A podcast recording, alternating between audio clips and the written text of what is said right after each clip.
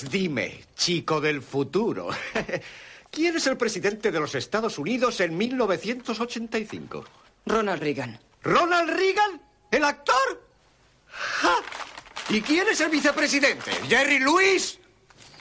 Supongo que Jane Wyman es la primera dama. No, un momento, Doc. Y John Wayne es el secretario de defensa. Un momento, tienes que escucharme. Te he soportado bastantes bromas pesadas. Buenas noches, chico del futuro. No, espera, Doc. Doc, el chichón, el chichón de tu cabeza. Sé cómo ocurrió. Me lo explicaste todo. Estabas de pie sobre el váter, colgando un reloj. Caíste y te golpeaste la cabeza con el lavabo. Entonces se te ocurrió la idea del condensador de flujo, que es lo que hace posible viajar en el tiempo.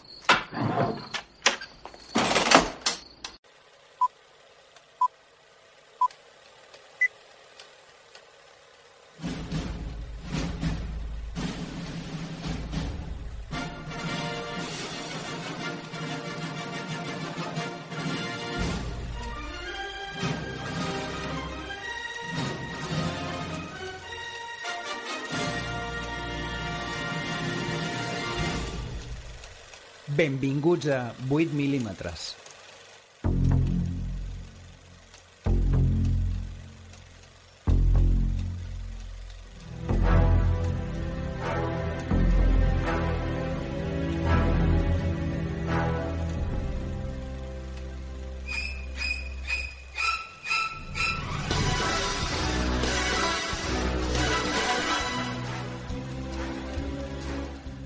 Temps és una il·lusió. Bona nit i benvinguts a una nova entrega de 8 mil·límetres, el programa cinematogràfic de Ràdio Manlleu, el 107 FM. Avui, 30 de novembre, capítol número 2, i com no podia ser d'una altra manera, contem amb els sospitosos habituals de sempre, els nostres experts cinematogràfics, que en aquesta ocasió han triat la temàtica de els viatges en els temps. No, no patiu, era el 29. no patiu, això no serà una xerrada sobre els forats negres, els forats de Cook, o un debat sobre si viatjar al passat o al futur és possible o no.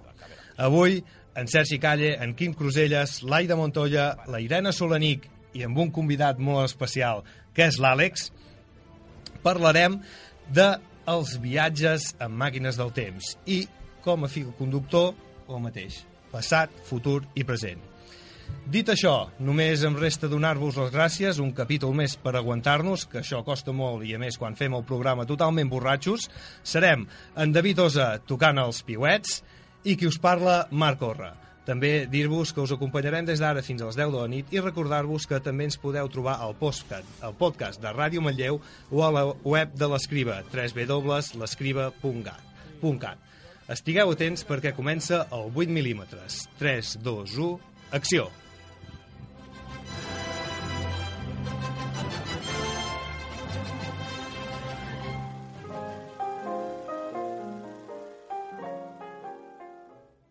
L'últim divendres de mes teniu una cita amb 8 mil·límetres. El programa cinematogràfic de l'Escriba a Ràdio Manlleu 107 FM. No us el podeu perdre.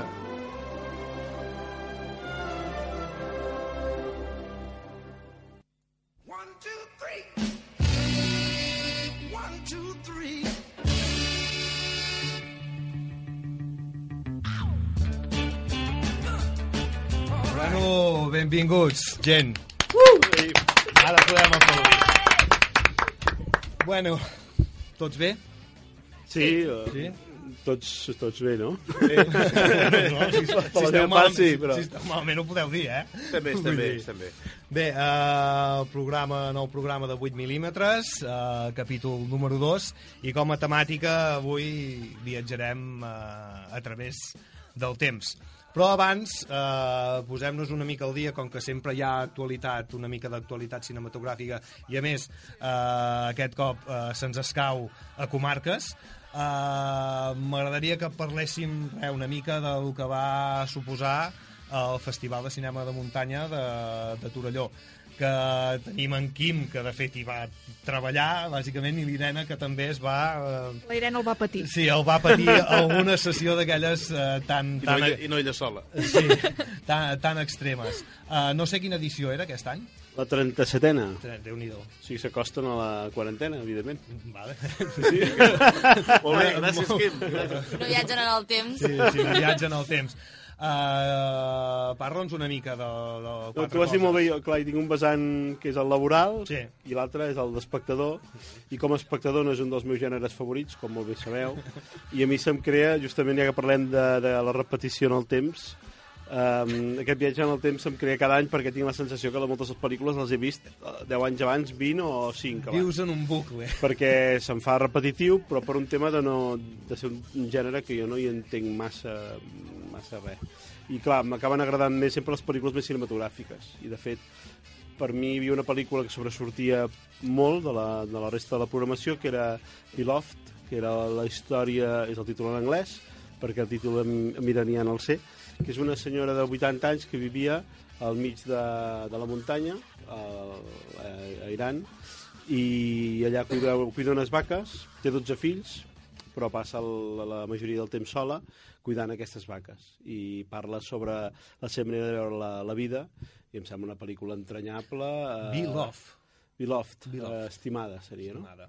I és, una, és un documental de muntanya perquè passa a la muntanya, però podria projectar-se... De fet, es va projectar al Festival de Berlín.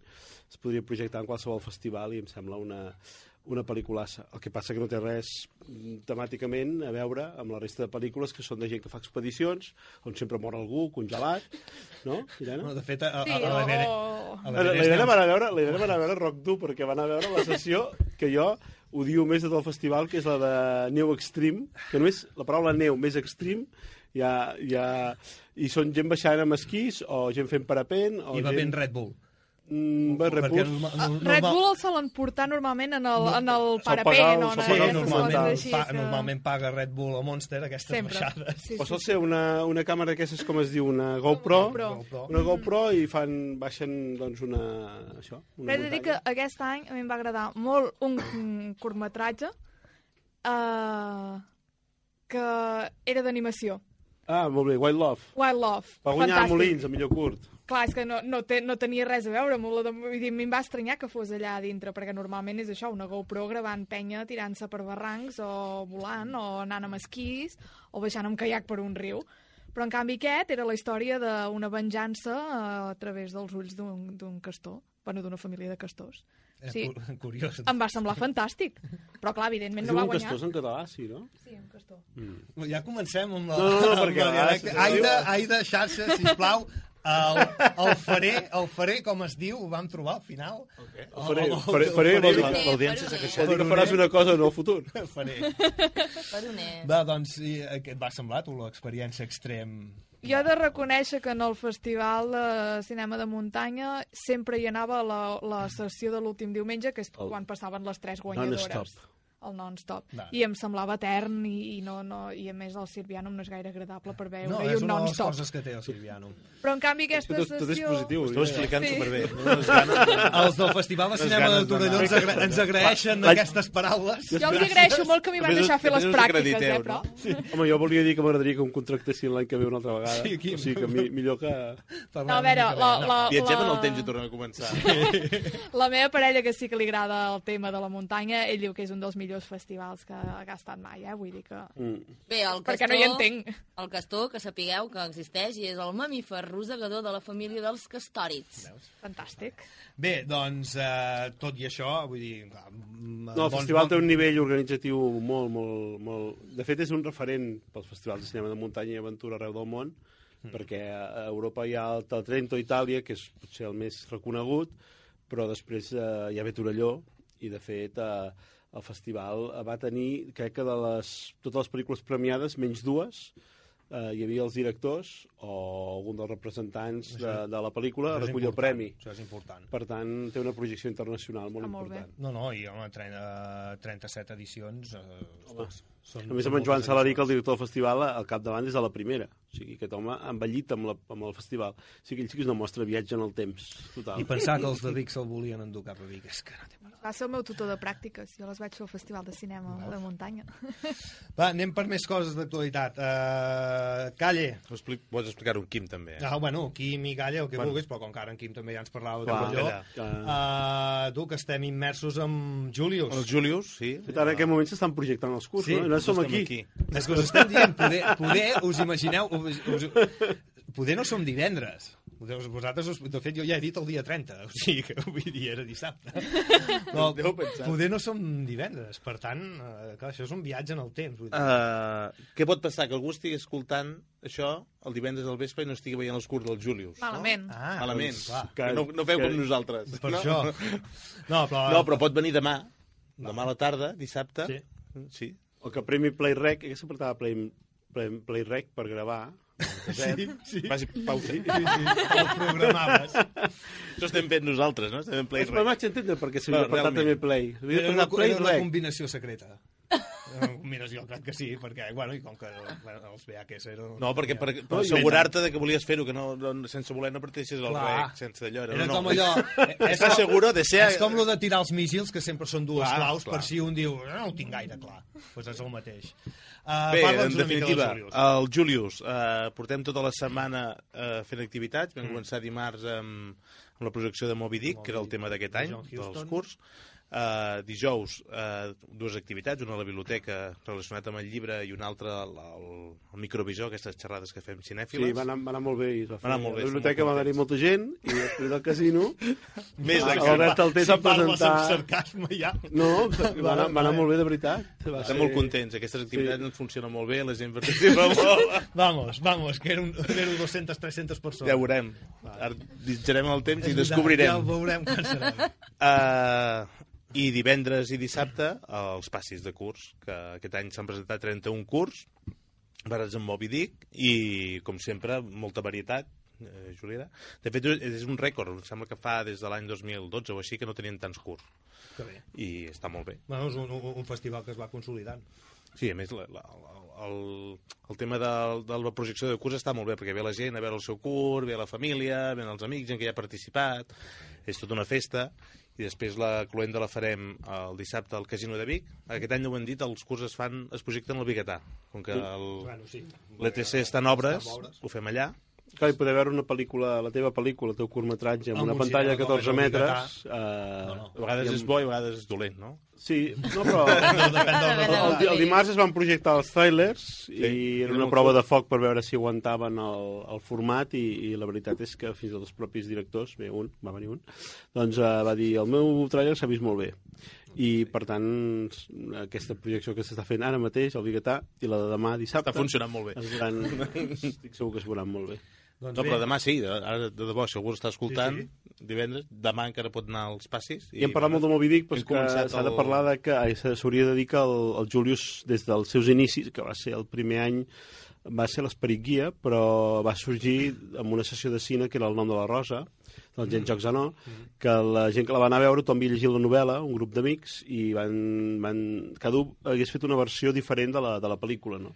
I se m'han adonat que tenien criteris molt diferents i visions molt diferents a l'hora d'adaptar aquesta, aquesta novel·la de l'Umberto Eco i van, van decidir doncs, agafar un tema comú i a partir d'aquell tema tothom fer un curtmetratge i així veure la, el punt de vista de cada un. I des d'aquell temps fins ara, doncs el Julius continua amb el mateixa, amb la mateixa esperit i la mateixa, el mateix organigrama, la mateixa... De fet, aquest any el Moby Dick ha donat unes versions, 30, de fet l'Aida, que és jurat, ara no sí, pot dir res, la- la fins demà, que és jurat. No, però no dic res, no dic res. ara que has vist tots els curs, Aida, ja, Exacte. que veus que hi Mentida. ha molta varietat, no? I molta Mentida. qualitat, oi?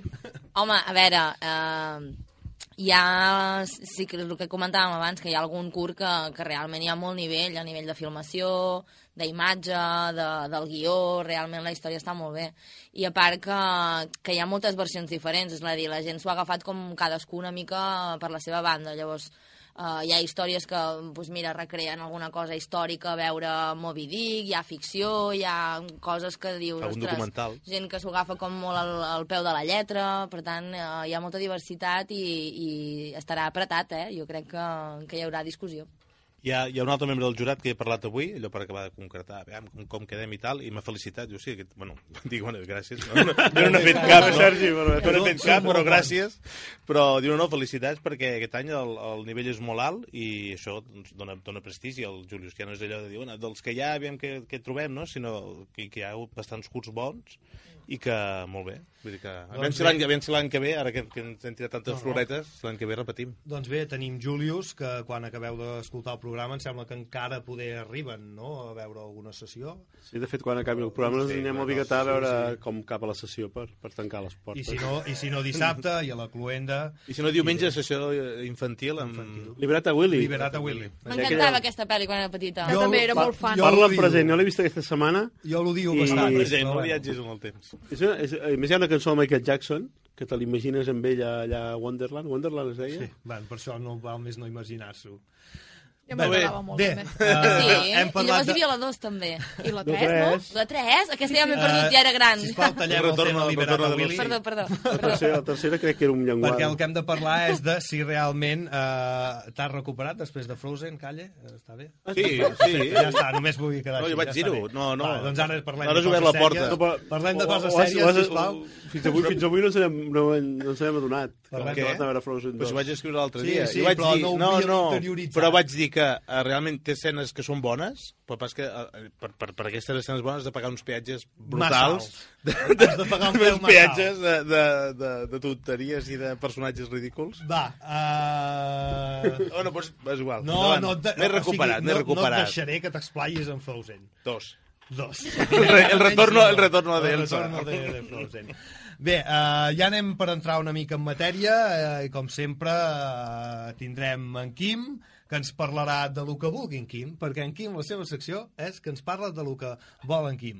Després també... També... Això, mira, això to- tothom parla del que vol, no? O la, Sí, la idea deu parlar sí, del que però vol. dir- Té una temàtica, té una, Però el teu és com un gènere. una... El teu que vol dir és que no El sap... meu és més dictadura. El El que vol dir és que... El teu és com una metasecció. Jo, Ah, això, hi ha un tema, però tu després el, El que vol dir és portes... que no saps de el què parles, és diferent. No, el tema d'en Quim hi ha una temàtica, hi ha un fil conductor, però el porta a, a, a l'extrem, a l'e- l'exprimeix, el porta al límit, el seu, uh, el seu tema, i això m'agrada. Tenim l'Irene, que ens parlarà sempre d'aquesta versió femenina, dels viatges en el temps. Tenim el calaix de Sapastre, que l'Aida ens mostrarà una mica com de quina manera s'ha viatjat a través del temps al llarg de la història de, del cinema i tenim en Calle amb l'ou o la gallina que ens farà aquestes... Bueno, ens parlarà dels llibres, de les adaptacions i aquestes coses. Si anem a entrar en matèria, què millor que fer-ho amb la música amb què toca fer-ho.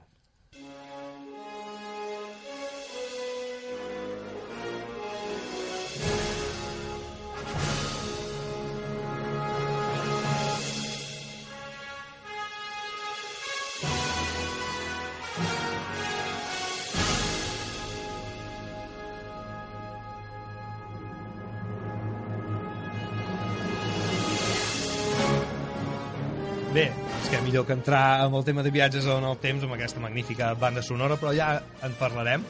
Primer de tot m'agradaria llançar algunes preguntes així en general. Jo em passa, que només em passa a mi, que soc, jo, que soc un sociòpata de, de les pel·lícules de viatges en el temps, eh, però que per mi una pel·lícula que sigui de la temàtica que sigui, que conté un viatge en el temps o alguna màquina del temps, per mi ja té un bastant un 40% de guanyat. Per mi ja dic, ojo, aquesta ja un 40% ja me'l té. A partir d'aquí ja pot anar més bé o més malament. No sé si us passa a vosaltres que eh, el fet de que hi hagi un viatge en el temps us agrada més o no us diu res, simplement heu de veure la pel·lícula i ja veurem què passa. A mi ja és un incentiu que hi hagi un viatge en Jo, el jo és temps. al revés, rarament m'agrada. Sí, jo, jo, mi, Quina jo, temàtica que hem triat, gràcies. A mi em passa igual, és Va com dir... Sí, sí, va triar ella. Ara a veure on aniran, tu, no? Jo hauria, jo hauria dit que sí, però després de- d'aquest mes d'anar mirant quines pel·lis hi ha i quines... De cop dic, hosti, és fatal tot. Les has avorrit. No, No, en salvo algunes, eh? No, a mi sí, a mi... A mi, em diu alguna cosa, Sí. sí. ja té alguna mi. Però bueno, i després, eh, no la volia fer la pregunta, però com que estem així de tontos avui, eh, és la pregunta més tòpica que, que es pot fer. Eh, si poguéssiu viatjar al passat, al futur no, al passat, a on, a on aniríeu? O què faríeu? O no faríeu res i no teniu ganes de viatjar al passat perquè prou malament estan les coses? Matar Hitler, no? No, és molt És que s'ha de matar no? Hitler. Jo sóc, o intentar que bastant, guanyés. jo sóc bastant més egoista. Jo me n'aniria al Londres victorià perquè vull conèixer Conan Doyle i vull saber qui era Jack l'Esbudellador. Molt bé, molt bé. Tu, Quim? No, jo, jo quan miro pel·lícules històriques que estan molt ben recreades, abans parlàvem amb l'Irene de- d'una sèrie a la BBC, quan miro sèries a la BBC m'agradaria viatjar en, també en aquells moments, no? El Londres victorià seria un, però diferents etapes de, de la història i ser només allà una estona perquè penses que hi haurà moltes malalties i que hi haurà... Segurament Se t'encomanarà Vull anar a l'edat mitjana, però després veus les pel·lícules i dius... Mm, Potser no. potser com a observador. La gripe espanyola. Eh? Ah, clar. Però, però sí que m'agradaria evitar. El, el, el futur em fa més mandra, veus? Sí, no, el futur fa sempre mandra. El futur no sé... Sempre, clar. És tan negre que ja no cal. Sí. Vosaltres?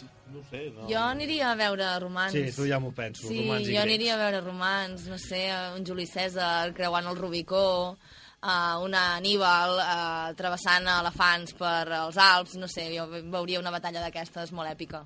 I, Àlex, tu Bueno, també t'agradaria. doncs- Llam, llam... Jo aniria a, ve a veure poder els egipcis perquè Ah? m'agraden molt els gats i... Ah! Però gats, gats mòmies, gats. casa, de casa en tinc tres, de gats. Eh? Home, millor que estigui una mica viu. Per poder-lo apreciar una mica. Sí.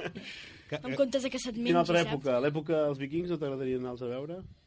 Home, eren molt bèsties, Bèsties, eh? ara, ara t'anava a dir una, una mica bèsties, poder passaríem malament. Però bé, tu... No ho sé, ara m'has enganxat, no sé, no sé. Mira que t'he deixat la volta, eh? Ja, però final. anava pensant, anava pensant, no sé, no sé. Bé. Ja, Deixa'm-ho rumiar. Va, doncs comencem una mica eh, amb en Quim, que ens parlarà de, de, de, molt de, les, 80. de les seves coses, a mi també. Vinga, entrem amb en Quim. 奶在米开米铺来。 จนความรักเธอเข้ามาทำให้ดวงตาฉันเห็นความสดใสข้างกายไม่เคยมีผู้ใด จนความรักเธอเมตตา เป็นพลังให้ฉัน Jo segueixo, segueixo sentint fluix. Sí, et segueixes sentint molt fluix. Sí, ja et sents, home. Uh, Quim, que em sembla que ens parlaràs dels teus records quan encara tenies els VHS.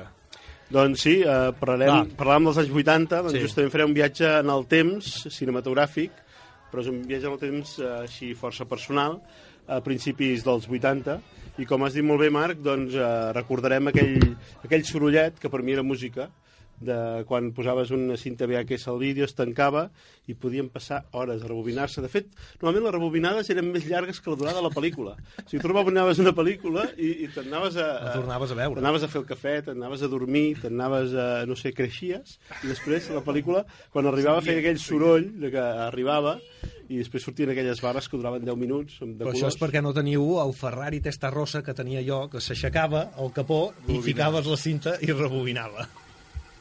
Veus? Així. Això, això. I cap al final feia... Després he dit amb el David, amb el David li he dit, posem una música així molt entranyable, eh, perquè el que explicarem és una història suposadament entranyable. A veure, la música si comença. Aviam. Va. I això era els dissabtes al matí, que anàvem al mercat de, de Terra Plaça, a Vic, amb ma mare, i ella anava a comprar ànecs i polls, pollets, per engreixar. O sigui, anava a comprar els ànecs aquests pollets tan preciosos grocs que fan piu, piu, piu, doncs. I després els, els comprava, comprava molts. Se'ls emportava a casa, els feia créixer i després els, els, els esquarterava per, per vendre els pollastres. Una història Macabra, plena de- poder. plena de sensibilitat. Jo anava al matí molt aviat amb ella i, i a mi m'agradava veure la gent asseguda, sobretot les dones amb aquests davantals que semblaven aquestes pel·lícules ita- italianes dels 70, allò totes amb, els, amb aquells cabassos d'anar a buscar bolets però grossos, amb, de vímet, amb això, amb aviram a dins, conills, i clar, passava un parell d'hores amb ella però després m'avorria perquè era un nen. I després em deixava anar al passeig, a sota la plaça que hi havia el videoclub Osona Mm. i de fet eh, jo ajudava a casa amb el que podia, munyir vaques eh, allà anar a trepitjar el bagàs aquestes coses que fèiem la gent de pagès mm. segurament la gent molt urbanita de Manlleu no entendrà, però Jo sí, eren- Quim, perquè sóc de Vilanova. tu ets de Vilanova, clar Jo ho entenc. i, uh, I això va fer que quan vaig ser un preadolescent uh, la meva mare em va ajudar a comprar el primer vídeo el primer vídeo cassette que, que vàrem tenir a casa, que era un VHS, perquè hi havia el dilema del Betamax, que ara no repetirem, Betamax, VHS, que es veu millor, que era millor. Mm. Evidentment era millor el Betamax, perquè clar, com que Betamax va morir, sempre és millor allò que no tenim. No? Evidentment. I bé, amb el VHS, doncs, eh, què va passar? Que jo primer anava al Videoclub Osona només a veure les caràtules de les, de les, de les pel·lícules. Teníem aquelles caixes acolxades. Es pot dir acolxat en català? Eh, Ho Ara ho buscarà. eren aquelles caixes grosses, que eren toves, i m'agradava agafar-les, mirar la caràtula, que normalment hi havia el logo de la distribuïdora molt gran a Sí. dalt o baix, i després miraves a darrere, i hi havia una sinopsis que explicava tota la pel·lícula fins l'últim fotograma, dels crèdits, i a més hi havia fotos molt que sempre, normalment no corresponien a la pel·lícula que hi havia dins, perquè era una cosa molt d'Espanya això, d'enganyar, no? de dir, sí. oita, canviaven el títol de la pel·lícula, normalment la sinopsis no, no s'avenia amb la- amb l'argument real, els actors tampoc lligaven, estaven mal escrits, o sigui, era tot, era tot una mena de, de, de fantasia, de mentida, com el propi cinema, i jo m'anava allà a veure hores i hores caràtules, i pensava, quan tingui un vídeo agafaré aquesta, i aquesta, i aquesta, no? I no anava a la secció porno perquè encara no tenia 18 anys, i quan intentava anar-hi sempre hi havia la senyoreta de la caixa que em deia, "Xt, noi, que això ja, caixa- ja, això ja t'arribarà. Em deia, això ja t'arribarà, em deia, això t'arribarà. Sempre- aquella sala prohibida. ja tindràs un VHS. això Això que ha d'arribar. Serà. I per fi com vaig tenir el VHS, que va ser un Amstrad, Mm. que no només feia ordinadors, feia vídeos, vídeos. i teles, i te- tenia un VHS Amstrad. I després anava a buscar 3-4 pel·lícules cada dissabte, però m'estava 3 hores per triar aquestes 3 o 4 pel·lícules. Hi havia una... Era un tota ritual. hi havia un ritual, sí, sí, hi havia tot una... Això, tot un aprenentatge de- d'anar passant eh, estanteria per estanteria. A més, els gèneres era molt random, perquè normalment hi havia el típic personatge que agafava una pel·lícula de terror i la posava a la secció de comèdia. Si estaves de sort, una pel·lícula porno havia anat a parar a la secció infantil. I després podies estar minuts fent veure que, que, havia- miraves, veure que miraves Banner i Flappy, els dos primers poder episodis, era i no. Banner i Flappy. Banner i Flappy. I. I... Bueno, I recordo que l'any 82, quan, quan van estrenar ET, que la vam anar a veure amb l'escola, com molta gent, la vàrem anar a veure al cinema Bosque a Barcelona, que era aquest cinema tan gran, i davant van passar un tràiler d'un musical que es feia a Barcelona, que era Evita, amb la Paloma San Basilio. I a mi, ET, des de que vaig veure el tràiler del musical Evita, tota la pel·lícula d'ET em, em va sobrar, perquè vaig enamorar-me de la Paloma San Basilio i volia anar a veure aquell musical. I vaig arribar a casa, jo era petit, el meu germà gran, ens portem molts anys, 22, en concret, i li vaig dir, vull anar a veure la Paloma San Basilio. Va dir, però que, que com coneixes la Paloma San Basilio? Dic, he vist un tràiler i vull anar a veure aquesta pel·lícula. No és una pel·lícula, és un musical. Ell va buscar informació, va mirar a la Vanguardia i va dir, ostres, és un musical, l'anem a veure. I el vam anar a veure. I vaig enamorar-me de Paloma Sant Basilio des d'aquell dia. És un secret inconfessable que he confessat. Però després ET la, la vam fer darrere, la vaig veure, i la vam tornar a veure aquí a Vic amb quatre germans, no? amb quatre dels meus germans vaig tornar a veure ET quatre vegades i és una pel·lícula que em, que em va agradar molt i quan va sortir en vídeo el Videoclub Osona tenien una còpia pirata una còpia pirata aleshores no era com ara que es veu impecable perquè és una còpia digital era una còpia gravada amb una càmera VHS des de les butaques a, a la pantalla del cinema i per tant es veien caps de la gent la gent quan s'aixecava per anar al lavabo es veia com passaven per davant de la pantalla però tot i així em vaig veure aquella, aquella còpia no sé quantes vegades i aquell dia vaig rebobinar la pel·lícula perquè, si us recordeu, que els videoclubs sempre posava rebobineu... eh, Por favor, rebobini, rebobine, por Això, favor. sisplau, no sé si ho deia. A Vic, Catalunya, Por- Espanya, en aquell moment no ho deia. Deia pel·lícula, rebobini, rebobine, por favor. rebobini i prou. Punt. sí, rebobini, capullo, posava.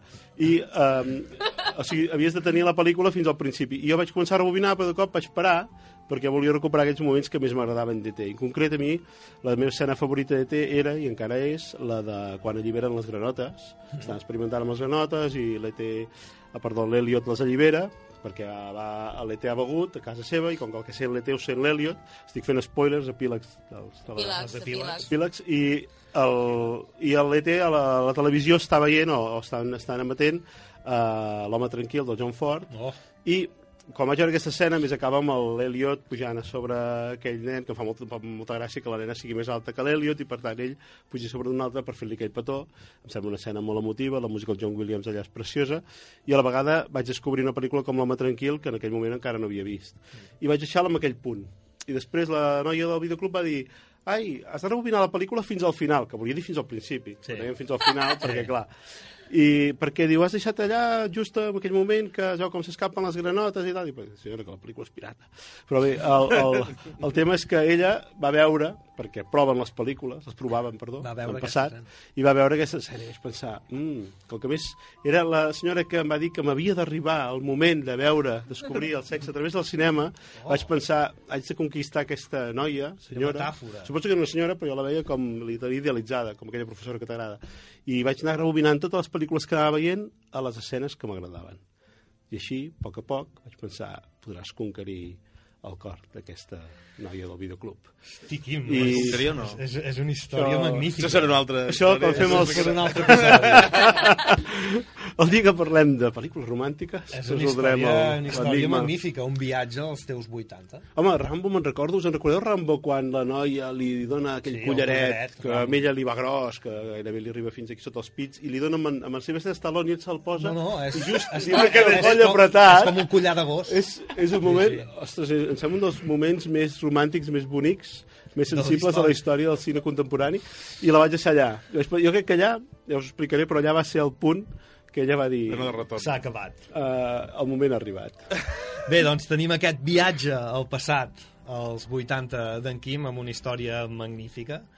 Ens encanten les, les teves històries, Quim. Perdó, eh? Acolxat no, encoixinat. Encoixinat. Jo Molt te'n bé. recordes, Quim, que hi havia, hi havia algunes pel·lis, perdona, eh? Sí, que, eren, sí. que eren dobles. Que, que Ah, la, sí, sí, la sí. caràtula- Ah, sí, home, la molt la per caràtula banda i era, banda. era el doble i l'obries per una banda i per Banda i Això passava amb Rei de Reyes, que va ser una molt èpica tota la... Em semblava un coixillo, perquè era colxat, colxat com es diu, i a més, doble, era com fantàstic. I només un incís, hi havia aquestes pel·lícules de terror dels, dels 80 amb aquestes caràtules que eren molt, molt, molt explícites. No sé si recordeu a, a l'Holocausto Caníbal, per exemple, que quan es va tornar a reeditar es va posar un adhesiu o una mena de franja eh, sobre de les parts íntimes per, justament per, per aquesta censura que, que s'ha tornat més ferotge al pas del temps, no? Però me'n recordo que hi havia moltes frases que eren no puedes ver esta película si sufres del corazón, no, no dormiràs després d'haver vist esta pel·lícula, i això justament incentivava A veure-la o- encara o més. t'activava per, per voler Era veure màrqueting. més. Sí, sí. Doncs va, anem per més coses, una mica de publicitat de la nostra, perquè de les altres no en pensem fer, i tornem de seguida. Si voleu estar al dia de l'actualitat cinematogràfica, no us perdeu el nou programa de cinema de Ràdio Manlleu, 8 mil·límetres. El programa de ràdio de l'Escriba.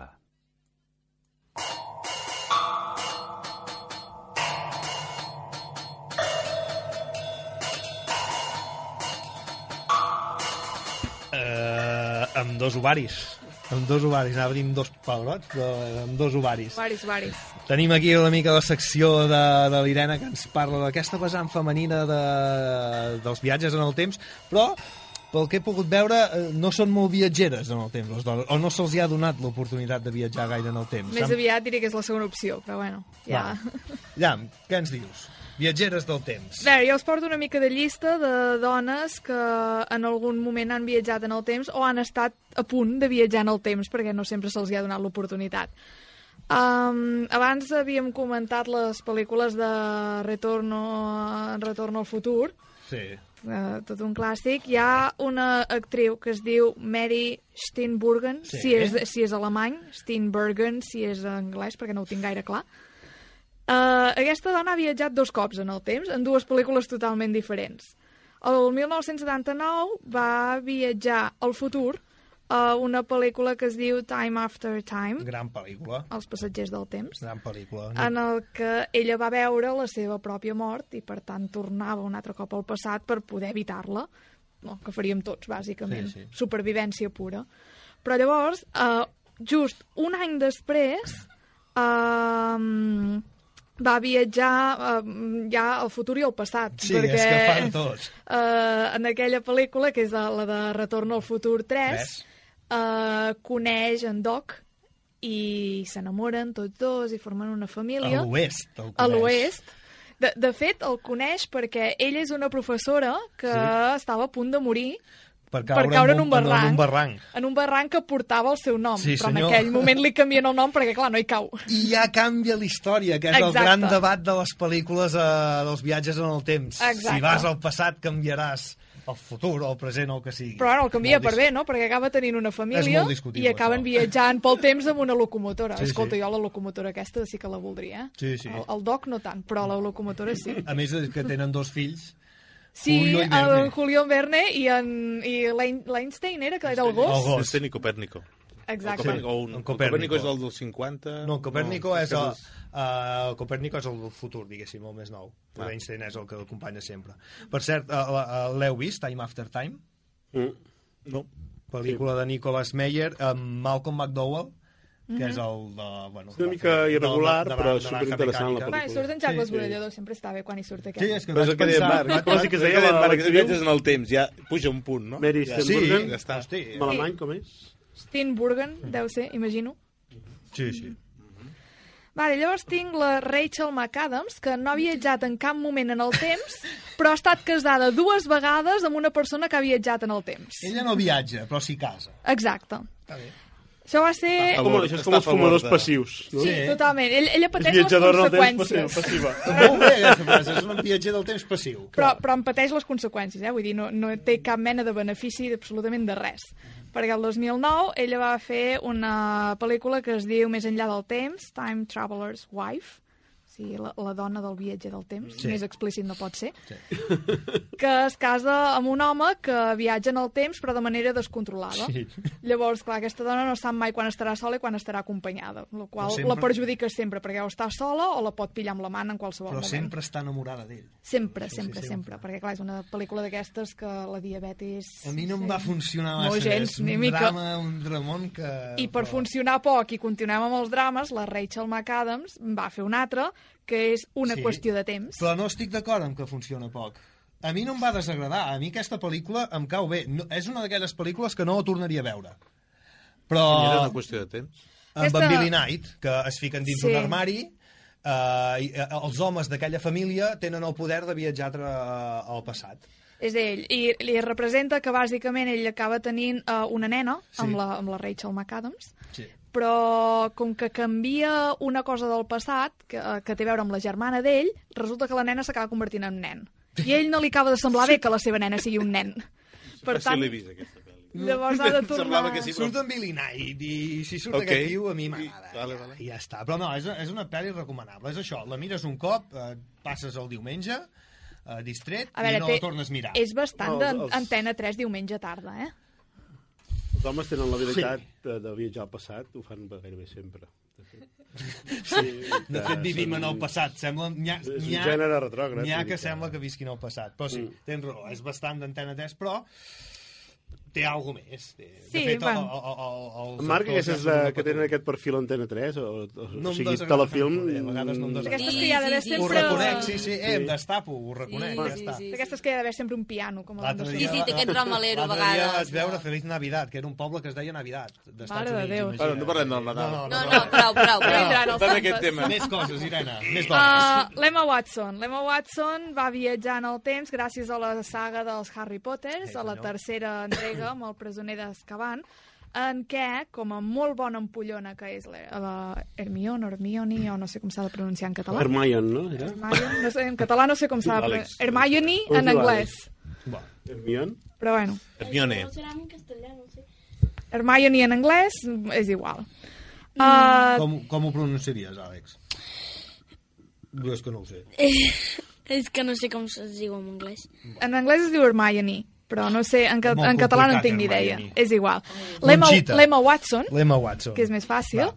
uh, com a molt bona ampollona que és, arriba a tercer curs de Hogwarts i se n'adona que té optatives, com en totes les universitats i en totes les escoles. Però ella les vol fer totes, no com optatives.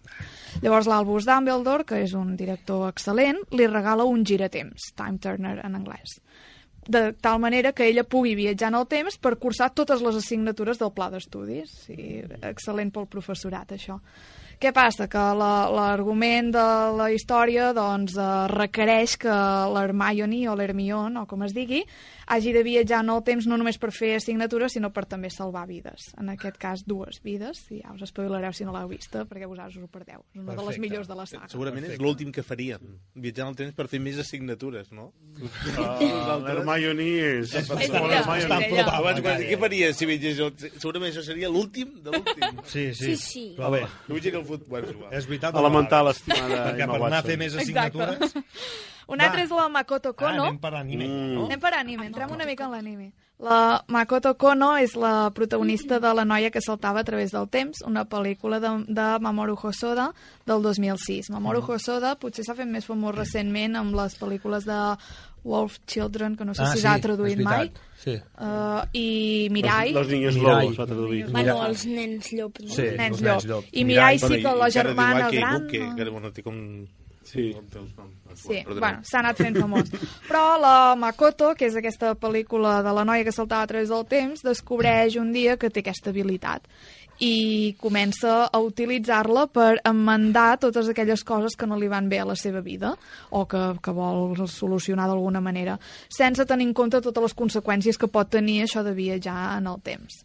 Tampoc us la vull desvelar gaire, perquè potser és una pel·lícula més desconeguda i, per tant, eh, ja us la deixo aquí al tinter perquè ja la podeu veure. Perfecte. Ja al, al Festival Nits de Cinema Oriental es va projectar la versió en imatge real. De fet, hi ha diverses versions d'aquesta, perquè és un manga d'aquests que té no sé quants volums, i la veritat és que el manga original és, és xulíssim, a més la història està molt ben entrenada, els japonesos ja sabeu com són de, de, que, que són molt específics i volen que tot eh, tingui, que tot quadri, tot tingui un sentit, i per tant és, un, és una de les, jo crec, de les grans obres modernes, almenys. És fantàstica. Els viatges en el temps tenen un...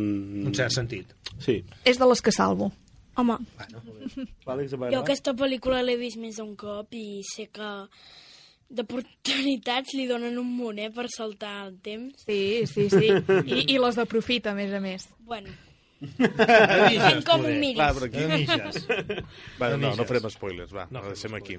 I ja l'última que volia mencionar és la Clàudia, Uh, no me'n recordo el cognom, uh, però és la, una dels personatges que surten a la sèrie Dark de Netflix, Oh, la sí. sèrie alemanya. Sí.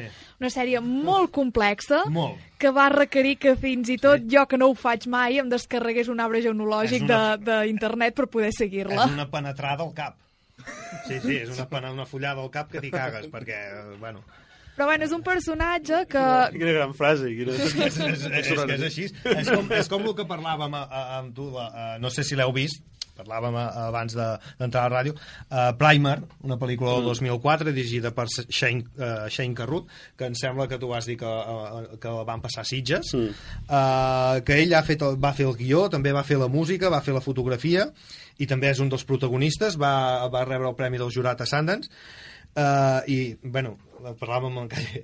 Si en Dark necessites un arbre genealògic, allà necessites, bueno, tres DINA 4 o com es digui, els grossos... Manual d'instruccions. Un manual d'instruccions, perquè, o sigui, hi ha dos personatges que construeixen una màquina del temps, es fiquen a dins, viatgen al passat, evidentment es, saben que hi han els seus llos repetits, però que quan viatgen els seus llos tornen a fabricar una altra màquina del temps i hi han com tres realitats paral·leles de cada personatge. Sembla la, No, la- la Inception, aquella No sé, que també va, necessitava. però la pel·lícula és El- bona, El eh? tema de Dark es va per aquí, Sí. perquè quan tu Clar. penses que una línia, després n'hi ha, una altra. Però la- la- Realment jugues amb tres línies de Dark, bàsicament. Sí. Tres línies temporals, eh? Que això no vol dir que les famílies no es puguin barrejar entre aquestes tres línies. Que aquí està la, la Les famílies es complicació. poden barrejar. Ja, clar, jo, jo, jo vaig passar bastant, bueno, bastant que- part de la segona temporada pensant que un personatge era un altre. Després Però és que la- ah, Sí, està clar. La premissa, la ja, filla, la premissa és aquesta. Ells t'estan dient que el temps no és lineal.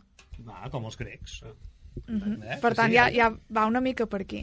No, doncs aquesta de Prime és recomanable. A més, és, té, és, té una pel·lícula, és una pel·lícula que té un cert sentit, ja que ells no poden eh, eh, retrocedir eh, en el temps més enllà de quan van construir la màquina. O sigui, la màquina la van construir el 2 de novembre de 1993, no poden anar més enrere del 2 de novembre de 1993. Té un cert sentit i una certa lògica. Però bé, és una pel·lícula que no dura massa, em sembla que són eh, 90 minuts eh, clavats, Uh, mireu-la mireu-la en un dia, en un dia que tingueu mal de cap mireu aquesta pel·lícula perquè us agradarà digues Ale Bueno, jo volia dir una cosa que d'una altra pel·lícula que, que són, és una dona que viatja en el temps, Yep. però si... que no sé si la... explico, però és una que mm, Alicia i el País de les Meravelles Ah. eh, bueno, té una segona part, que es va estrenar fa poc, i la segona part és um, a través del mirall, i, mm, bueno, no, no vull... Es, no vull desvetllar... Desvetllar gaires coses, Desvetllar no? gaires coses, però només dic que al, f- bueno, cap al final de la pel·lícula hi ha un viatge al temps. Un altre que viatja en el Tenim temps. una altra dona, molt bé, molt bé, anem allargant la llista. Ara te'n queda una. Bueno, sí, Bueno, jo la- jo l'havia posat un aquí... holograma. Sí, jo havia posat la Carrie Fisher perquè de la pel·lícula de Star Wars i els últims Jedi, clar, ella ja estava morta, tot i així es van aprofitar um, escenes que ja s'havien filmat i la imatge d'ella per crear-ne de noves. I ara fa poc també parlàvem de l'última de l'Scorsese, hi ha en, en l'Al Pacino i en, i en De Niro, que, fill meu, sembla que hagin acabat de fer la primera comunió. La màgia del maquillatge, no? Maquillatge i retoc digital. Bueno, jo diria que és més un tema de tecnologia. Jo, jo amb l'Irene parlàvem aquesta setmana de, de la Sarah Connor, de la, Ah, també, sí, de la sí. noia de No- Terminator. no que la deixen viatjar mai Ella no, no pot viatjar mai, però sempre li arriben marrons importantíssims. Més enllà dels temps. eh, El marit està, no? està en un present on li arriben robots. Ella i... pringa. Vinga, Ella constantment. És, la, és una, el gran supervivent dels viatges en el temps. O sigui, l'altra gent va viatjant en el temps i ell es menja els marrons. Però, bueno, una supervivent. Clar, ara n'han fet una de nova de, de la saga Terminator i, bueno, quan no li ataquen els, en John Connor, el seu fill, ni a ella, ataquen una altra persona i ella li ha de salvar el cul a tothom. Sí, sí, sí, que salvar el cul a la família i l'altra. Bé, doncs hem parlat de les viatgeres en el temps. Gràcies, Irene. Com A sempre, vosaltres. aquestes, aquestes dones. I ara ens anem per més coses. L'ou o la gallina. Me llaman calle pisando baldosa, la revoltosa y tan perdida. Me llaman calle, calle de noche, calle de día. Me llaman calle, hoy tan Mira, cansada. només tinc ganes que arribi la teva secció. Un cop al mes, no? Per escoltar aquesta, aquesta cançó, que m'agrada... Princeses. Va, princesa meva. Uh, Vam canviar la sec... El... Bé, l'ou o la gallina, eh, és això, eh? Jo cada setmana intentaré veure, bueno, una mica parlar de les adaptacions, que va ser primer, en aquest cas, evidentment, eh, va ser primer el llibre, la, la màquina del temps, és, eh, és de l'any 1895, per tant, eh, és prèvia a qualsevol adaptació que es fes. De fet, no és, no és la primera novel·la sobre màquines en el temps, ai, sobre viatges en el temps, perquè també hi havia eh, coses com eh, un yanqui a la cort del rei Artur o un conte de Nadal, que estan considerats històries de viatges en el temps. No? Un conte de Nadal viatja en el futur, al passat, al present, veu diferents allò, i després torna a començar no? per refer la seva vida. Però sí que està considerada la primera perquè és la primera que hi ha una màquina, o sigui, la, com, valgui la redundància, no? que o sigui, hi ha la, la voluntat de viatjar davant i endarrere. Després es va fer una adaptació, als anys 60, El tiempo en sus manos, em sembla que es Sí. diu aquí, Mm. perquè la màquina del temps Sí, era sí, molt... és una pel·lícula excel·lent. Sí, sí. I, i de fet, eh, i després es va fer un remake, bueno, un remake no, una segona adaptació l'any 2002 amb Guy Pearce Simon i, Wells. i la gràcia és que el director Simon Wells que és és besnet sí. del, de l'autor de la novel·la original, el H. H. G. Wells, Herbert George Una adaptació Wells. força correcta. Clar. Sí, Jo l'he no vist el aquella. remake. Sí, sí, a mi, a mi, a més, Guy Pearce està molt bé, Jeremy Irons. Els Morlocks, us en recordeu dels Morlocks? Mm. Els Morlocks. Oh. Qui no. Qui no recorda els Qui no Morlocks? recorda els Morlocks? que, que al final és això, és, és aquesta història que, que és de viatges en el temps, però podria ser una història d'aventures en, en un altre planeta. Sí. O sigui, avança tant, tant, tant en el temps i ensenya una, una societat que té tan poc a veure amb la nostra. Sí que, evidentment, la novel·la ho fa servir com a, com a crítica al final de la, de la societat actual de, de, seva de l'època, no? dels anys, eh, abans del, del tombant de segle. Però, però podia ser d'un altre món totalment diferent i no hi ha això que ens agrada de les, de les paradoxes d'anar endavant, endarrere, sinó que va fins allà, eh, explica el que hi ha i torna, torna i, i salva com pot. No? Eh, com a curiositat, he vist que hi ha una seqüela de- d'aquesta novel·la que es diu les, les naus del temps, una seqüela autoritzada, Ah. que es va fer en motiu del centenari de, de la novel·la original i vam deixar fer una, una, una segona part que no he llegit. Després he fet una mica... Clar, de pel·lícules moltes que de les llistes aquelles que Sí, portava, moltes les he vist, Parlem, eh? però de, de, clar, de, de, de llibres no n'he llegit molts. he fet una mica de llista de coses així que he vist que s'han adaptat eh, a pel·lícula. Ja. Una és aquesta que parlàvem, de, de Time Traveler Wife, aquesta del, Sí, del marit de que va arribar Rei. random, No, que està basada en una Random, novel·la. No serà de Nicolas Sparks, no? No, eh, no, Però gairebé, no, gairebé. gairebé. Gairebé. Sí, la portada té la pinta, eh? Després hi ha El so del tro, que és aquell relat curt de, de Ray Bradbury, que és molt xulo, és, és, és, aquella, és un senyor que va, fa, va per anar a un safari per anar a caçar un dinosaure, no? I viatja en el Ah, temps, sí. i quan torna, eh, bueno, no explicaré què passa quan torna, No. perquè és al final del conte, vale. al final, no? Però en canvi la pel·lícula va com més enllà i aquesta pel·li és curiosa, no sé si l'heu vist perquè la... Uh, no l'heu vist? La coneixeu, el so del tro? Sí, que el conec. es va, o sigui, allò havia de ser com Parc Juràssic, però es van quedar sense pressupost a mitja pel·li. I ho, vam acabar, ho van És- acabar... és el que és. Ho van acabar com van poder. I la, i la veus i no t'ho pots creure. Gent caminant pel carrer i és un croma. No? I dius, però estan caminant pel carrer. I no, no. O sigui, un desastre. I el, el relat és xulo. Després hi ha Timeline, que és del Michael Crichton, parla- parlant ara de Parc Juràssic, que també una mica és, eh, tornem al mateix, no? Viatgen fins a la mm, edat mitjana, no? Bueno, tota l'època aquesta de rei Artur i tot plegat, sempre és com el mateix, no? L'Ejército de les Tinieblas també, tothom torna al mateix lloc al final. Bueno, Pots ha- anar on sigui, Hi ha los visitantes que són, són Exacte, del medieval visitantes. cap al futur. Però al revés. aquí hi ha una cosa curiosa perquè justament l'Ejército de les Tinieblas, Passió Infernal 3, eh, ell està als Estats Units, evidentment, entra en una cova i de cop viatja i surt i surt a l'edat mitja, no? Però a l'edat mitja a Europa, perquè evidentment eh, als Estats Units no hi havia aquella edat mitja, no hi havia, hi havia indis, no? I dius, vale, viatge en el temps, I l'espai. també, no? Però no, no ho diuen, entra en una cova i surt a la mateixa cova, però a Europa. És, és interessant. Sí, sí. sí. Coses de viatjar en el temps. Ah, que, que quan, abans quan diuen on viatjaries, no? Diu, no, els romans, no sé què, bueno, clar, depèn d'on viatgis, potser no, no trobes gaire, gaire cosa. No, Ah, no has d'anar viatjant en l'espai, després en el temps. Bueno, que entre això dels viatges en el temps, eh, fa qüestió d'un mes, un mes, una cosa així, el, eh, hi havia el Donald Trump que també va tenir una compareixença amb, el, amb uns italians i, i, bueno, totes aquestes coses que fan els polítics i no se li va acudir res més al senyor Donald Trump que dir que eh, als Estats Units i Itàlia tenien una relació molt estreta des de feia molt temps, fins i tot de l'època dels romans. Sí, sí. Aquest ha quedat un viatge en el temps però guapo, eh? Digne de veure la cara de la traductora. També, també. Eh, eh, ja és així, i punt. Ja està. L'hem de res... Sí, bueno, no, es no l'hem de respectar. America first. Més coses, va. Va, tinc un parell més. L'última, uh, aquest 22 11 63 de Stephen la de- King, que parlàvem l'altre dia. la d'en de James Franco, no? La sèrie que ara han fet una minissèrie de sobre, bueno, una mica això que torna a la- l'època de, de... No l'he vist, eh? Bueno, per, la mort entenc- Kennedy, entenc que vol evitar la, la- evitar la mort de d'en Kennedy. I després també, sí, recent, uh, Un pliegue en el tiempo, Ah.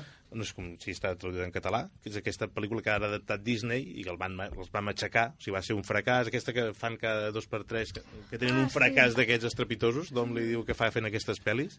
Aquesta no l'he vist, sí que havia vist el gènere solitari, i aquestes que no van gaire Havíeu vist. mai aquella... No me'n recordo com es diu, ja ho buscaré com es diu uh, l'actor, però cada, ca, cada capítol, en una sèrie, cada capítol uh, viatjava en el temps, però i es ficava a la pell d'algú altre. A vegades era una dona, a vegades era, era un nen petit, i havia de, de, bueno, de, de fer un propòsit, vull dir, salvar alguna cosa, fer que la, el, el matrimoni no es divorciés o aquestes coses. Bueno, i quan viatjaven el temps es veien els núvols, bueno, era, era com viatjar amb un avió. En, els en anglès deia Quantum Leap, però... Ah, sí, Quantum però, Leap, però no Quantum Leap. deia en Sí, però jo el castellà. conec també com Quantum Quantum Leap. Quantum Leap. Sí, i, ostres, una sèrie interessant d'aquelles èpoques de, de, dels 90. Molt bé, i fins aquí. Després, Molt bé. jo tenia un parell de controlades de novel·les que, que he Ah. llegit. La, hi ha La patrulla del temps, hòstia, mm. m'he apuntat a l'autor, que, que és la lògica aquesta dels polis, no? que van a vigilar allò, que, no, que tot es faci bé. I després hi ha El viaje hacia la eternitat d'Asimov, que m'encanta. I aquesta, estaria- bueno, no sé si estaria bé o no que es fes una adaptació, però... La, la patrulla canina del temps, hi és? La patrulla canina, sí, és un... Tot arribarà. Hi ha, hi ha una, ja que parlàvem dels 80 abans, hi ha Beagles, el viajero del tiempo, que si no heu vist, ja tardeu. Beagles, que era, es, es pretenia, era l'època d'Indiana Jones i es pretenia fer un, una saga de pel·lícules amb aquest personatge, una pel·lícula anglesa, i eh, viatjava a la Segona Guerra Mundial i justament allò que dèieu abans de matar Hitler, una de les seves missions era justament intentar doncs, eh, matar el Führer i, i canviar la, la història, no? i viatjava en el temps. Es deia Beagles. I està basat en una sèrie de novel·les d'aquestes camp, eh, Pulp Fiction, eh, novel·les eh, angleses dels anys 70-80. Molt bé, moltes gràcies, Sergi res, Calle. vosaltres. I ara tirem alguna falqueta per fer propaganda i perquè la gent ens coneixi i continuem amb més coses i ja anem encarant la recta final. Ja tindrem el moment de com viatja la gent al temps. No és que agafi, jo que sé, un patinet i viatja en el temps. Ara Bueno, l'Aida ens, bueno. ens ho descobrirà. Bueno. Vinga. l'últim divendres de mes teniu una cita amb 8 mil·límetres. El programa cinematogràfic de l'escriba a Ràdio Manlleu 107 FM. No us el podeu perdre.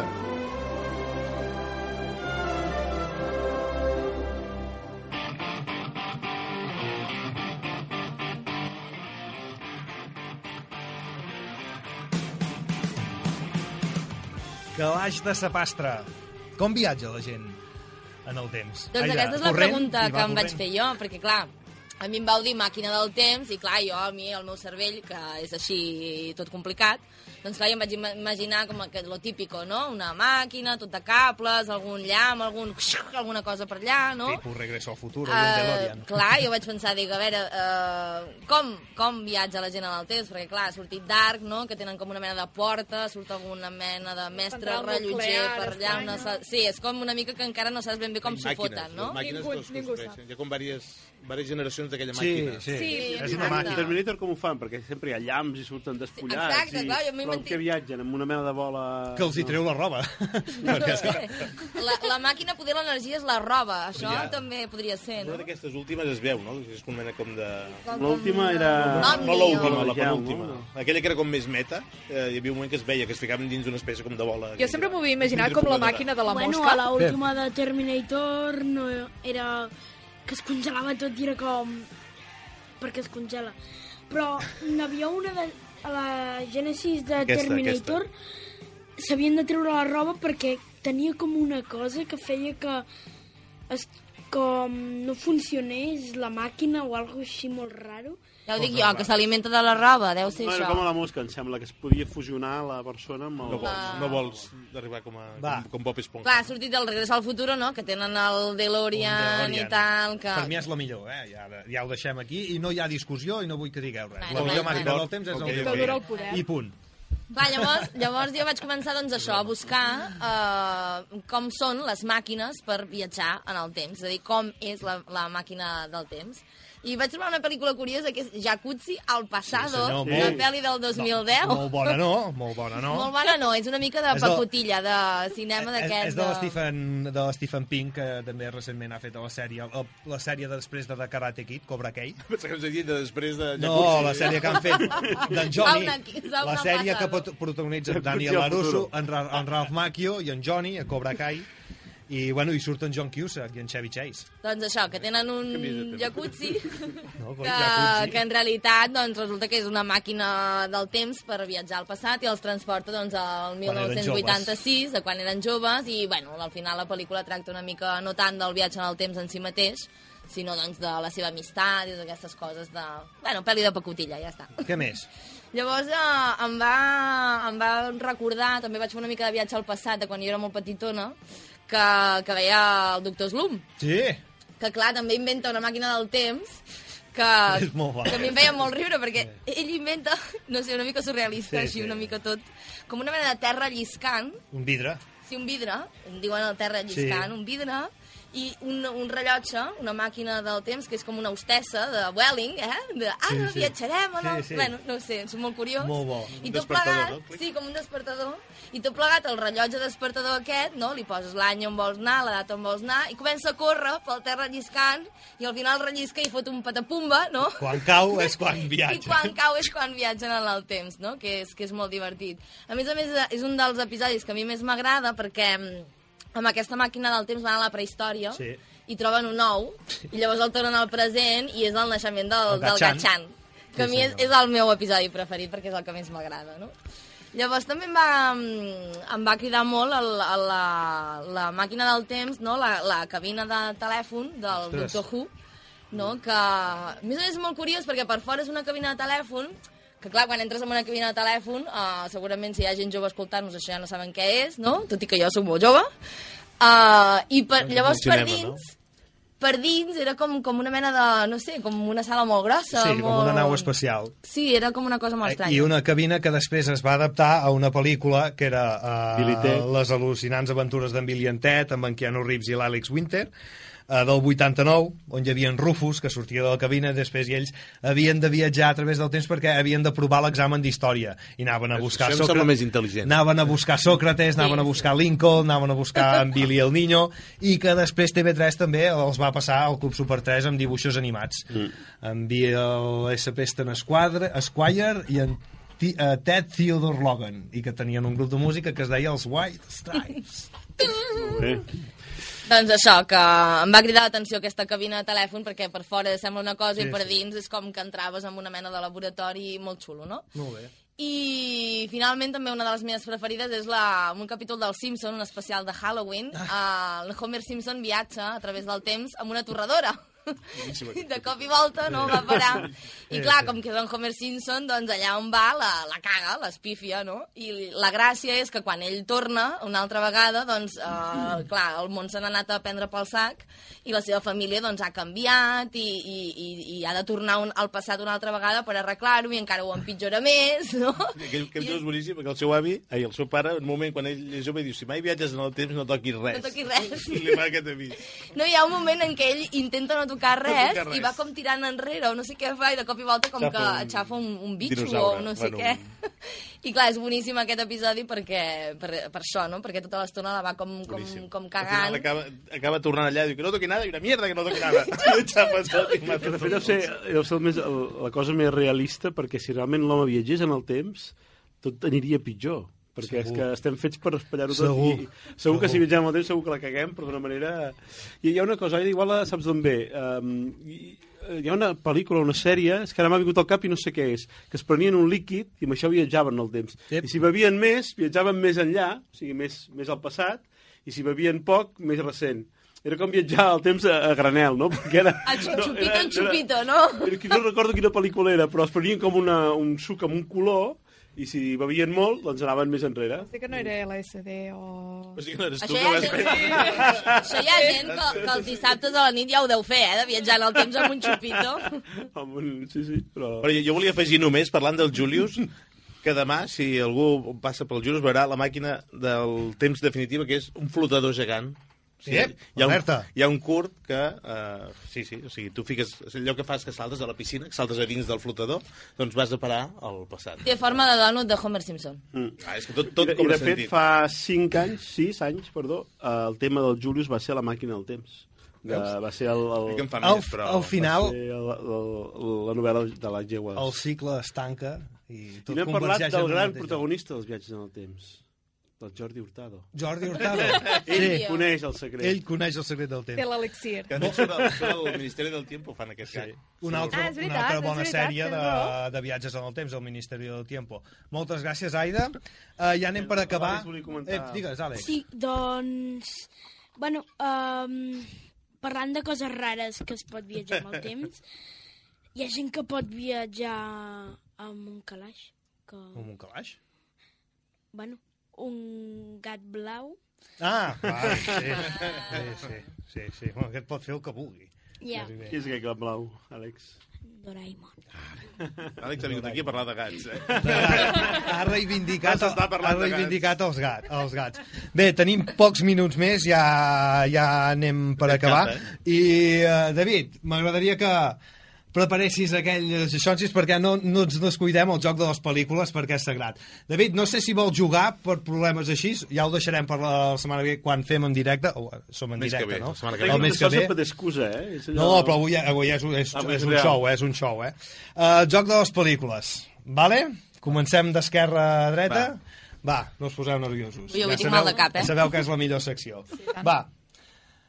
Lo llaman una Royal con queso. Pulp Fiction. Perfecte, perfecte. Va, un aplaudiment. Ja, no, No, no, no hi ha ni un... S'ha d'aplaudir. No hi ha un No, repic quan la caga sí, quan la caga sí. Va. Uh, Aida. Todos esos momentos se perderán en el tiempo como lágrimas en la lluvia. Ai, Llam, llam, que... No, no, no, no, eh, Blade Runner. Va, ah, eh, sí, sí, Ho hem sí. salvat a temps.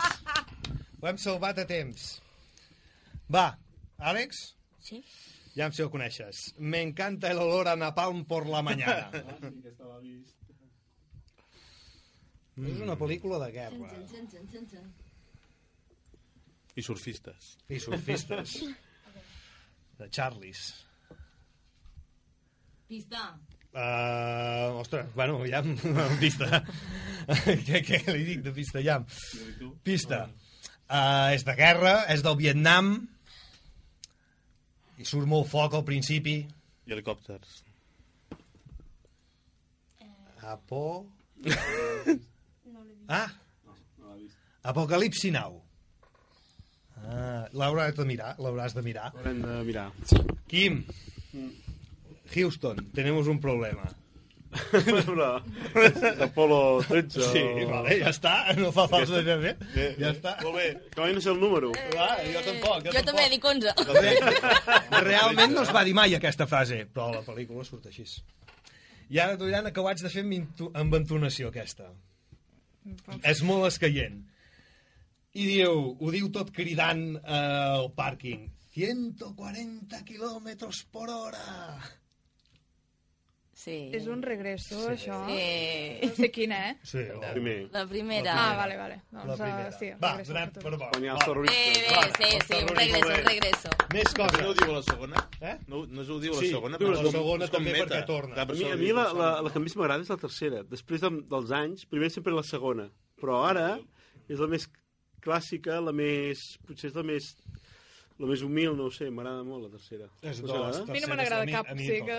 M'agrada veure la segona, m'agrada veure la segona i la tercera juntes. M'agrada, sempre faig el... Totes. Va. Uh, Galle, uh, ¿me estás hablando a mí? Eh? ¿Es a mí? Pues sí, sí. Bueno, és Sí. taxi driver, entenc, però... Sí, sí. Ah, és els primers tros, sí. Eh, eh. Molt bé. bé. Calle. Aida, Ai. soy el rey del mundo. Titanic. Ui! Aviam si l'has vist, aquesta, Àlex. No, Que no, bé que no sigui una pel·lícula classificada... Bueno, noi. En ocasiones veo muertos. Em sona... Em sona, però crec que no... És una que hem parlat molts cops de veure-la, que és un nen que veu fantasmes. El... Això. Sex... Sexto. el sexto sentido. Ara, vale. Sí. Va, i en queden dos. Avui aneu força bé. Aneu força bé. Hauré de pujar una mica el nivell. Ja ho hem Ja. de fer participar tu també. De la... Sí. Sí, el proper dia... el proper dia preparem tots una Ara per tu. anava a dir, Vale, sí. gràcies. Una de merda, una pel·li de merda. Vale, ja em sé Examen, veritat, ja em sé examen. veritat. Sèrie B. Va, he cruzado océanos de tiempo para encontrarte. És per la Laida? vi- És per, és per la... és, ah, no, és per tu. Ah, és com que miraves a l'Irene, he pensat, com que la gent no ho veu. Um, Drà- Dràcula. Sí, senyor. Va, va. Qui, qui... Bé, bé, bé, aquí. I aquesta... Abogado. Molt bé, extremista. ¿Estás allí, abogado? El miedo. No, petita. que- Sí, sí. Ahora se queda el miedo, el cabo del miedo. Molt bé, Irene. Robert De Niro. Bé, bé. Ben, gatita. Bé, uh, ja anem per tancar, que ja ens passem de temps. Fins aquí el 8 mil·límetres d'avui on hem parlat de viatges en el temps. Moltes gràcies, Quim, moltes gràcies, Aida, moltes gràcies a, a Àlex, moltes gràcies, Sergi, moltes gràcies, Irene, sobretot moltes, moltes, moltes, moltes, moltes gràcies a en David. David Osa, que avui no ha pogut dir gaire res perquè és un directe especial. Però és qui s'ho curra més. És qui s'ho curra més És qui treballa. Aquí. que ens ha, Perquè els altres sí, ens ha promès que la setmana que ve sí que tindrem la millor secció, que són els, Ah, pensava que muntat, havia promès que sí que hi hauria els, els muntatges originals els muntatges originals d'en David la, el mes que ve, que recordem no serà desembre, serà al gener Ens falta, ens falta beguda aquí a la taula. Només la- només l'Aida porta una ampolla amb, amb llàgrimes dels seus port- estudiants. ja Porto portarem aigua, la meva tasses tassa. portarem tasses recordar-vos Que ara tenim temps, uh, bé. al gener, l'últim divendres de gener programa uh, per la... De desembre, no? No, fem a, especial. desembre, a, a desembre no hi ha, a desembre no hi ha. Parlarem, majoria profes fent vacances. parlarem de... No, I a la ràdio tanquen. Parlarem de premis, de Goyes, d'Oscars, de nominacions, de Globus d'Or, perquè ara ve tot el xitxa i n'hem de parlar una mica. I portarem un convidat, ho prometem. No sabem quin encara, no sabem quin, però portarem un convidat. I si ten, tenim temps parlarem també de pel·lícules d'estiu, perquè a l'època... si Per diu- començar a preparar la pel- temporada. Pel·lícules que parlin de l'estiu. Uh, de nou, moltes gràcies. Gràcies als oients per escoltar-nos. Gràcies a tothom. Si és que ho fan. Gràcies, Manlleu. Que passeu, Pere, que passeu unes bones festes de Nadal. Mireu Eh, moltes pel·lis d'en Santa de Netflix. perquè primer ve el mercat medieval. Superar el mercat medieval. Jo el mercat, el mercat De fet, viatjarem en el temps, Sí. perquè és superrealista aquest Jo, mira que viatjo, que i- marxaré tan lluny que no vull veure el mercat medieval Viatjarem en l'espai. En l'espai. uh, recordeu, gent, salut i cinema. Adeu. This is the end, my only friend, the end of our elaborate plans, the end of everything that stands, the end, no safety or surprise, the end. I'll never look into your eyes again. But you'll never follow me.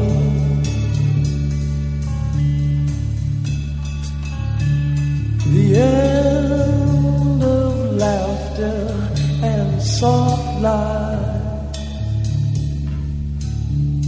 The end of nights we try to die.